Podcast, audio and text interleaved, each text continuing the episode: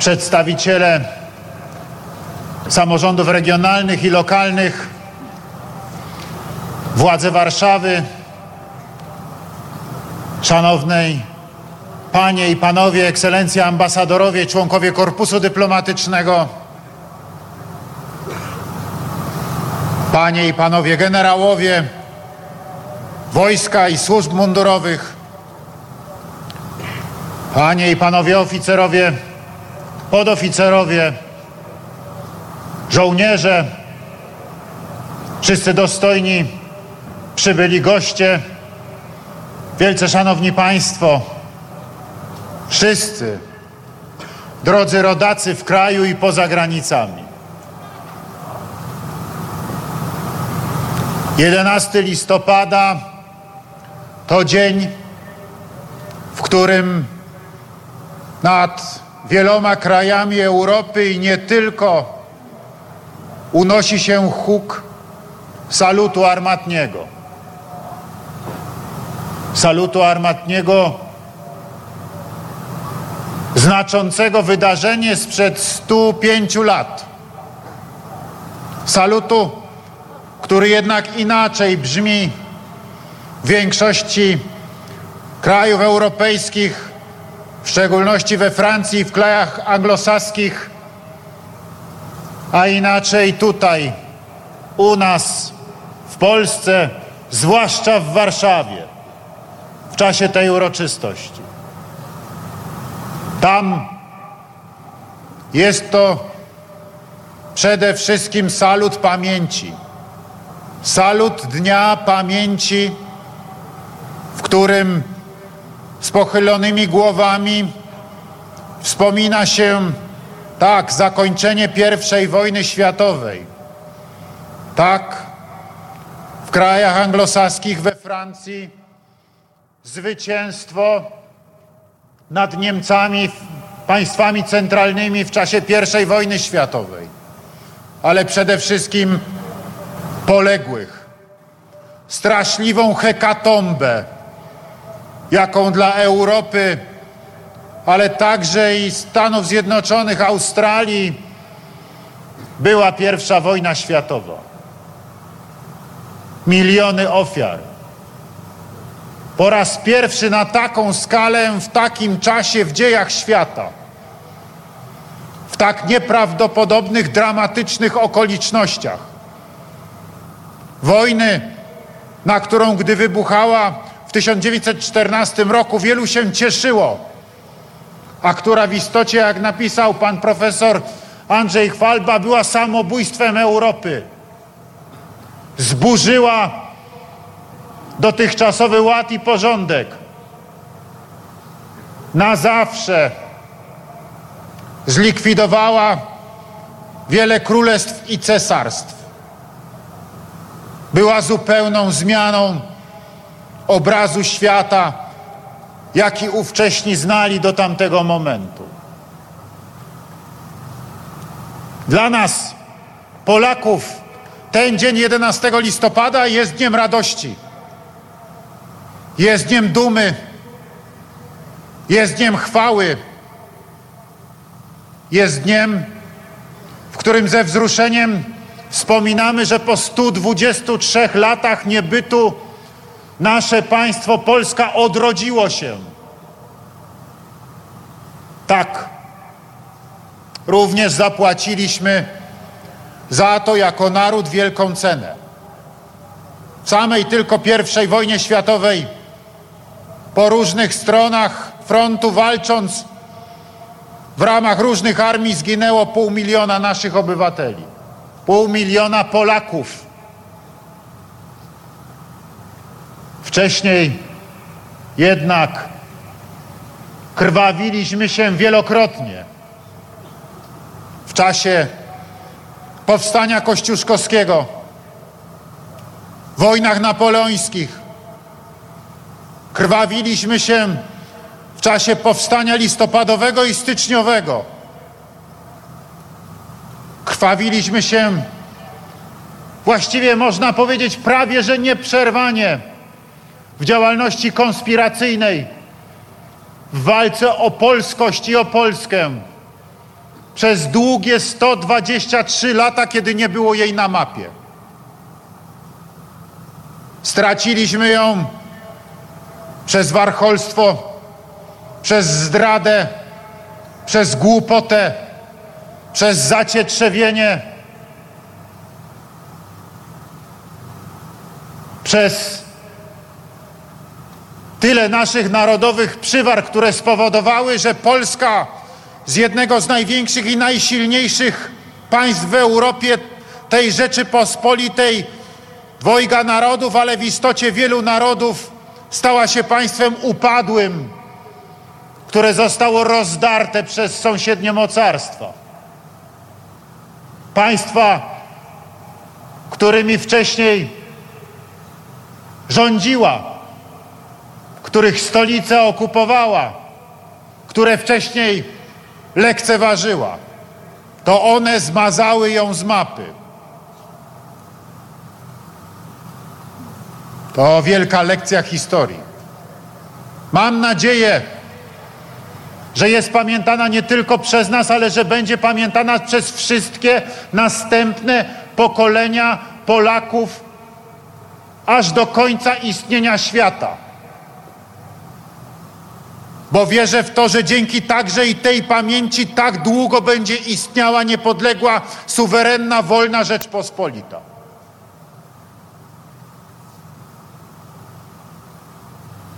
Wtedy w 1918 roku ten koniec wojny, tamta hekatomba, to zniszczenie królestw i cesarstw spowodowało, że na skutek różnego rodzaju politycznych zabiegów nasz wysiłek państwowy i narodowo-wyzwoleńczy przyniósł wspaniały, wymarzony, przywitany łzami wzruszenia efekt. Wolne, niepodległe, suwerenne państwo. Czasem mówią, to był cud. Nieprawda. Oczywiście na pewno była w tym wielka opieka opatrzności. Było w tym 123 lata modlitw, wiary w to, że Polskę uda się odzyskać. Ale przede wszystkim była siła, wielka siła narodu. Narodu, który trwał, wierzył, walczył, podtrzymywał na różne sposoby swoje istnienie, swój język, który pielęgnował swoje elity, który zwalany na kolana wstawał za każdym razem, który nie załamywał się tym, że ginęli kolejni, który szedł naprzód, wierząc w to, że swoje państwo odzyska. To było dzięki temu, że wszyscy ci, którzy prowadzili wtedy politykę polską i ku Polsce, niezłomnie w tę Polskę wierzyli, że ona wróci. Była częścią wszystkich wtedy polskich politycznych programów. Mówił Wincenty Witos, nie ma sprawy ważniejszej niż Polska. Mówił drugi z ojców naszej niepodległości, Ignacy Jan Paderewski, silna, wielka, wolna, niepodległa Polska była istotą mojego istnienia. Jej urzeczywistnienie jest celem mojego życia. Oni wierzyli, w kraju i za granicą.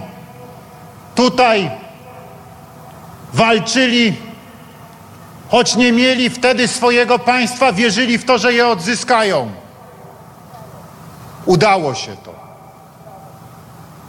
Udało się to, choć samo przywrócenie Polski na mapę nie oznaczało tego, że będzie ona stabilna bo czasy były niezwykle niespokojne i wiecie wszyscy znakomicie Państwo, że trzeba było jeszcze przez lata walczyć o to, by tą Polskę utrzymać, by ustabilizować jej granice.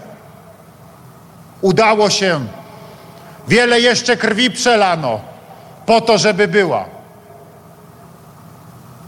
Mówił marszałek Józef Piłsudski wtedy po 11 listopada 1918 roku naczelnik polskiego państwa, wielki wódz polskich legionów w czasie I wojny światowej mówił Polacy chcą niepodległości, ale pragnęliby, żeby ona kosztowała dwa grosze i dwie krople krwi. Ale niepodległość jest bardzo cenna i niezwykle kosztowna. Tak. I mówił też, niepodległość nie jest dana raz na zawsze. Tak. Trzeba było o nią walczyć. I to trzeba było pamiętać, że walczy się o nią nie tylko z bronią w ręku, ale walczy się ona, o nią także i mądrym prowadzeniem spraw państwowych. A ta mądrość nie oznacza tylko mądrych planów, a ta mądrość nie oznacza tylko mądrych myśli i ideologii. Ta mądrość oznacza także mądre działanie, mądre wykonanie, a przede wszystkim umiejętność współdziałania dla wspólnego wielkiego dobra, jakim jest Rzeczpospolita. I o tym dzisiaj musimy przede wszystkim pamiętać my, którzy znamy historię i wiemy, co stało się 21 lat po 1918 roku kiedy udało się Polskę napaść i zniszczyć we wrześniu 1939 roku znowu przez dwa mocarstwa. Te same, które tak naprawdę niszczyły ją wcześniej. Choć pod innymi władzami, innym kształtem ustrojowym. Przez w 1939 roku hitlerowskie Niemcy i sowiecką, już nie carską, lecz sowiecką Rosję ale w istocie te same.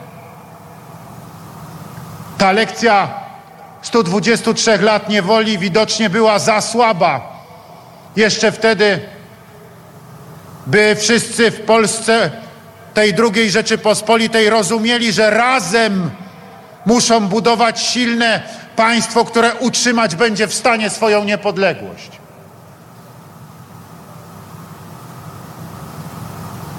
Niechże efekt tej pamięci historycznej, budującej się od 105 lat, której my dzisiaj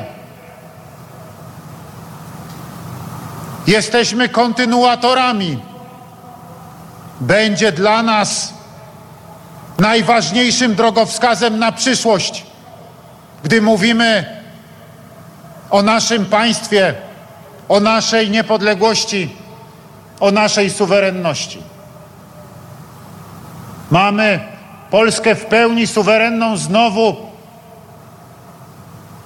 od 34 lat.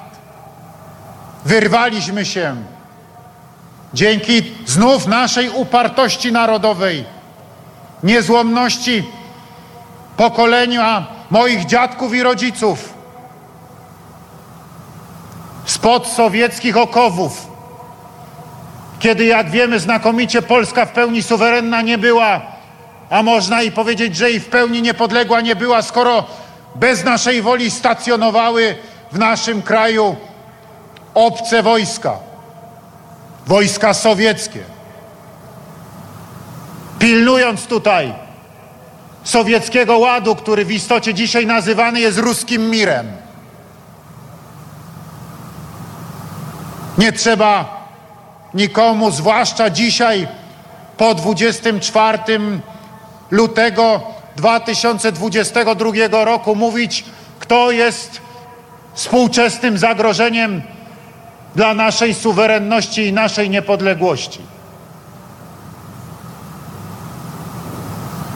Dzisiaj przyjmujemy w naszym kraju, pod naszymi dachami uchodźców z Ukrainy. Cały czas u nas są, bo napaść rosyjska zniszczyła ich domy, bo napaść rosyjska zabrała ich ziemię, bo napaść rosyjska pozbawiła wielu z nich nadziei. I dziesiątki, setki tysięcy z nich bliskich.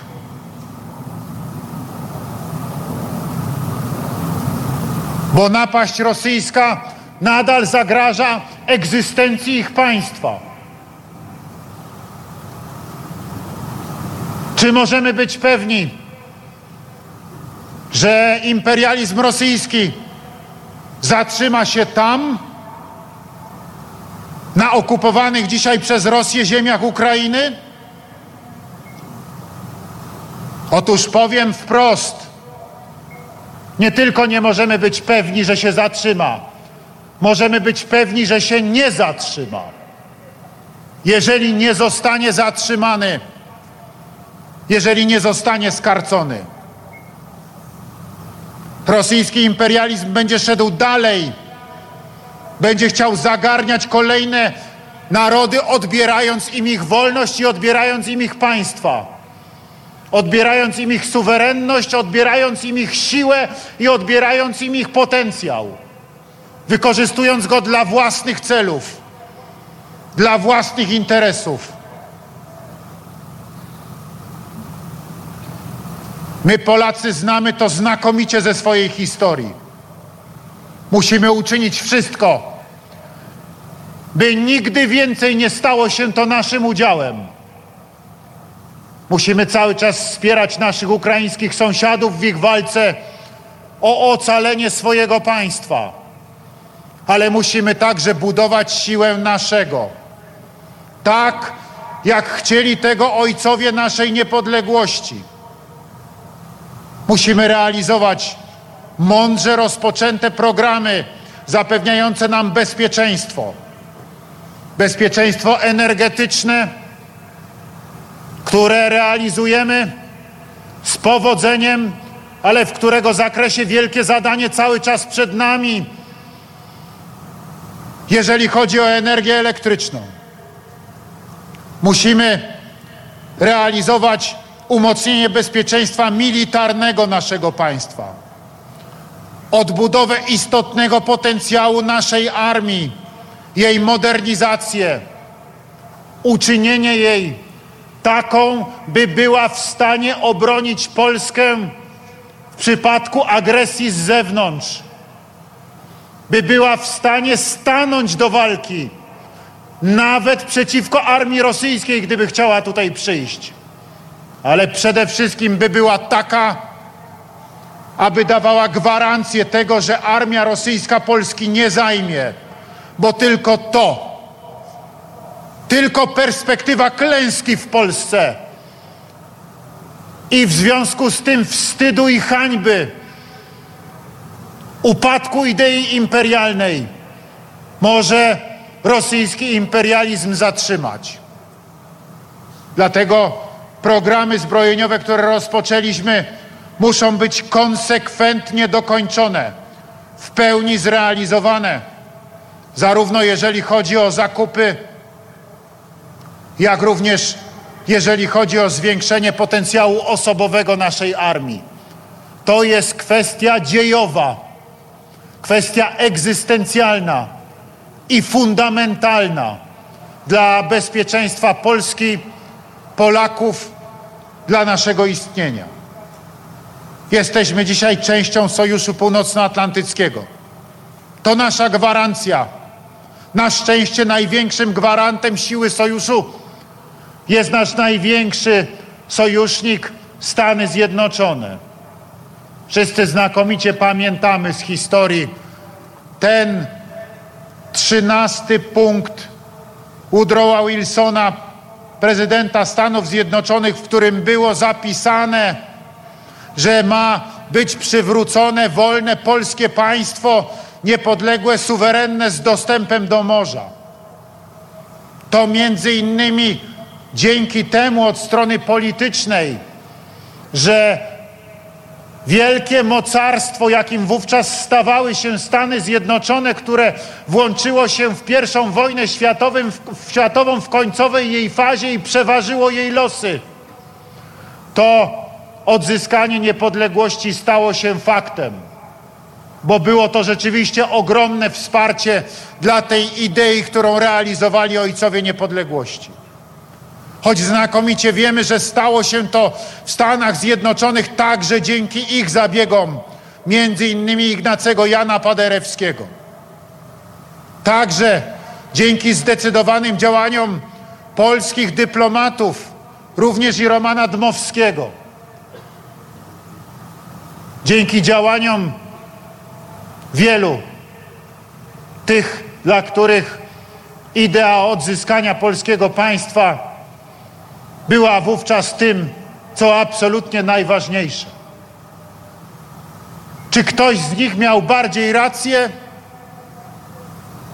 Nikt z nich tak naprawdę do końca nie zdawał sobie sprawy, jak ostatecznie pobiegną losy polityki i tamtej wielkiej wojny pięknie i sprawiedliwie powiedział później Stanisław Katmackiewicz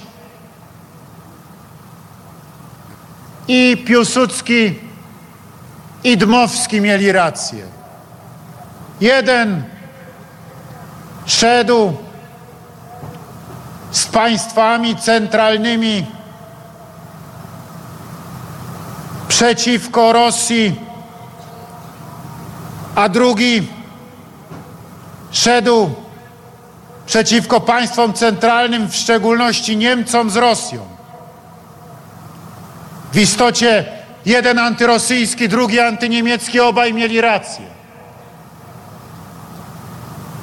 I dzięki temu, że obaj ją mieli, i dzięki temu, że obaj wygrali, odtworzyło się polskie państwo. Możemy się dzisiaj spierać, ale pamiętajmy tą lekcję.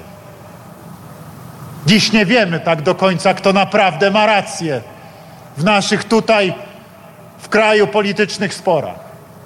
To pokaże dopiero przyszłość. Wierzę w to, że piękna i wspaniała dla Rzeczypospolitej. Właśnie dzięki naszej mądrości i tych, którzy po nas przyjdą, by dalej prowadzić polskie sprawy. Budujmy sojusze, umacniajmy nasze państwo. Piszą dzisiaj, Polska buduje drugą największą armię w Europie. Tak, niech piszą, ale niech Polska ją zbuduje. To kwestia naszej odpowiedzialności. Spierajmy się, dyskutujmy ale niech w tym wszystkim Polska niepodległa, suwerenna zawsze będzie najważniejsza. A niepodległa i suwerenna jest wtedy, kiedy to my sami o niej decydujemy i o naszych najważniejszych sprawach. Kiedy to nasz parlament na demokratycznych zasadach wybrany i na demokratycznych zasadach pracujący podejmuje najważniejsze dla Polski decyzje decydując o jej przyszłości i o jej kształcie. Wtedy, kiedy wszystko to dzieje się pod kontrolą i za decyzją wyborczą i referendalną naszych rodaków, a nie innych państw i narodów. Ile razy inni o nas decydowali, tyle razy nieszczęśliwie dla nas to się kończyło. Bądźmy w sojuszach.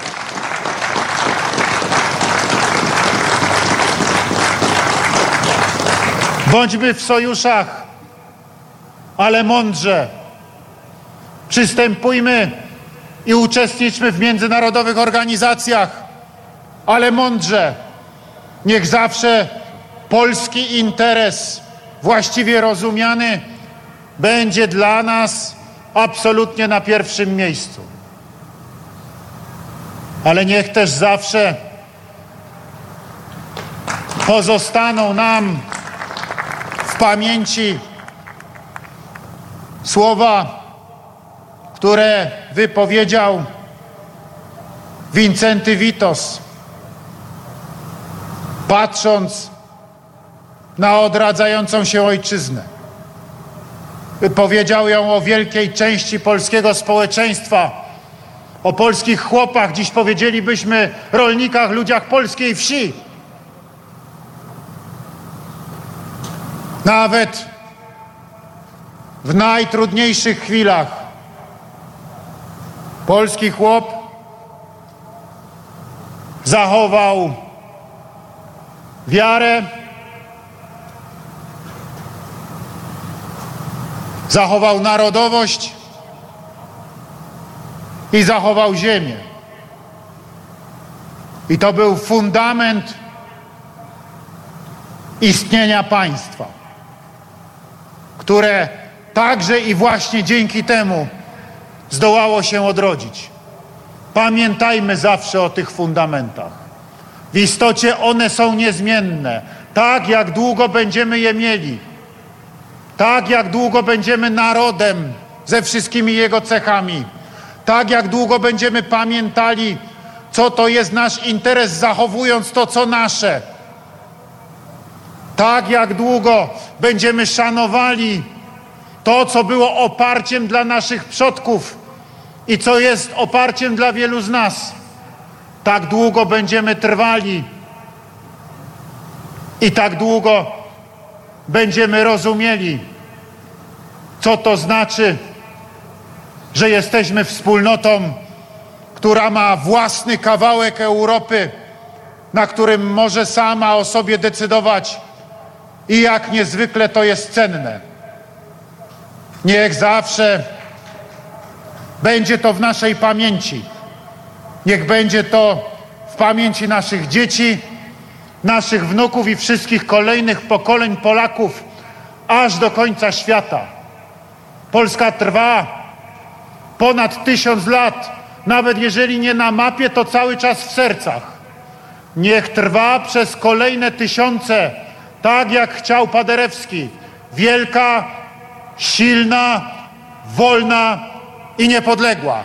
Cześć i chwała bohaterom!